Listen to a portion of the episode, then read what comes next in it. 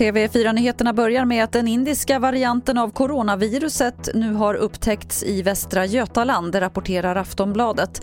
Det ska röra sig om ett fall där personen troligtvis blivit smittad utomlands. Sen tidigare har fyra fall av varianten bekräftats i Stockholm.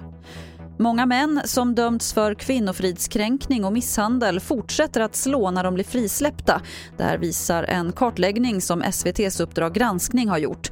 Där har de tittat på 15 fall där dömda män återgått till att misshandla samma kvinna trots att de tidigare blivit dömda för det.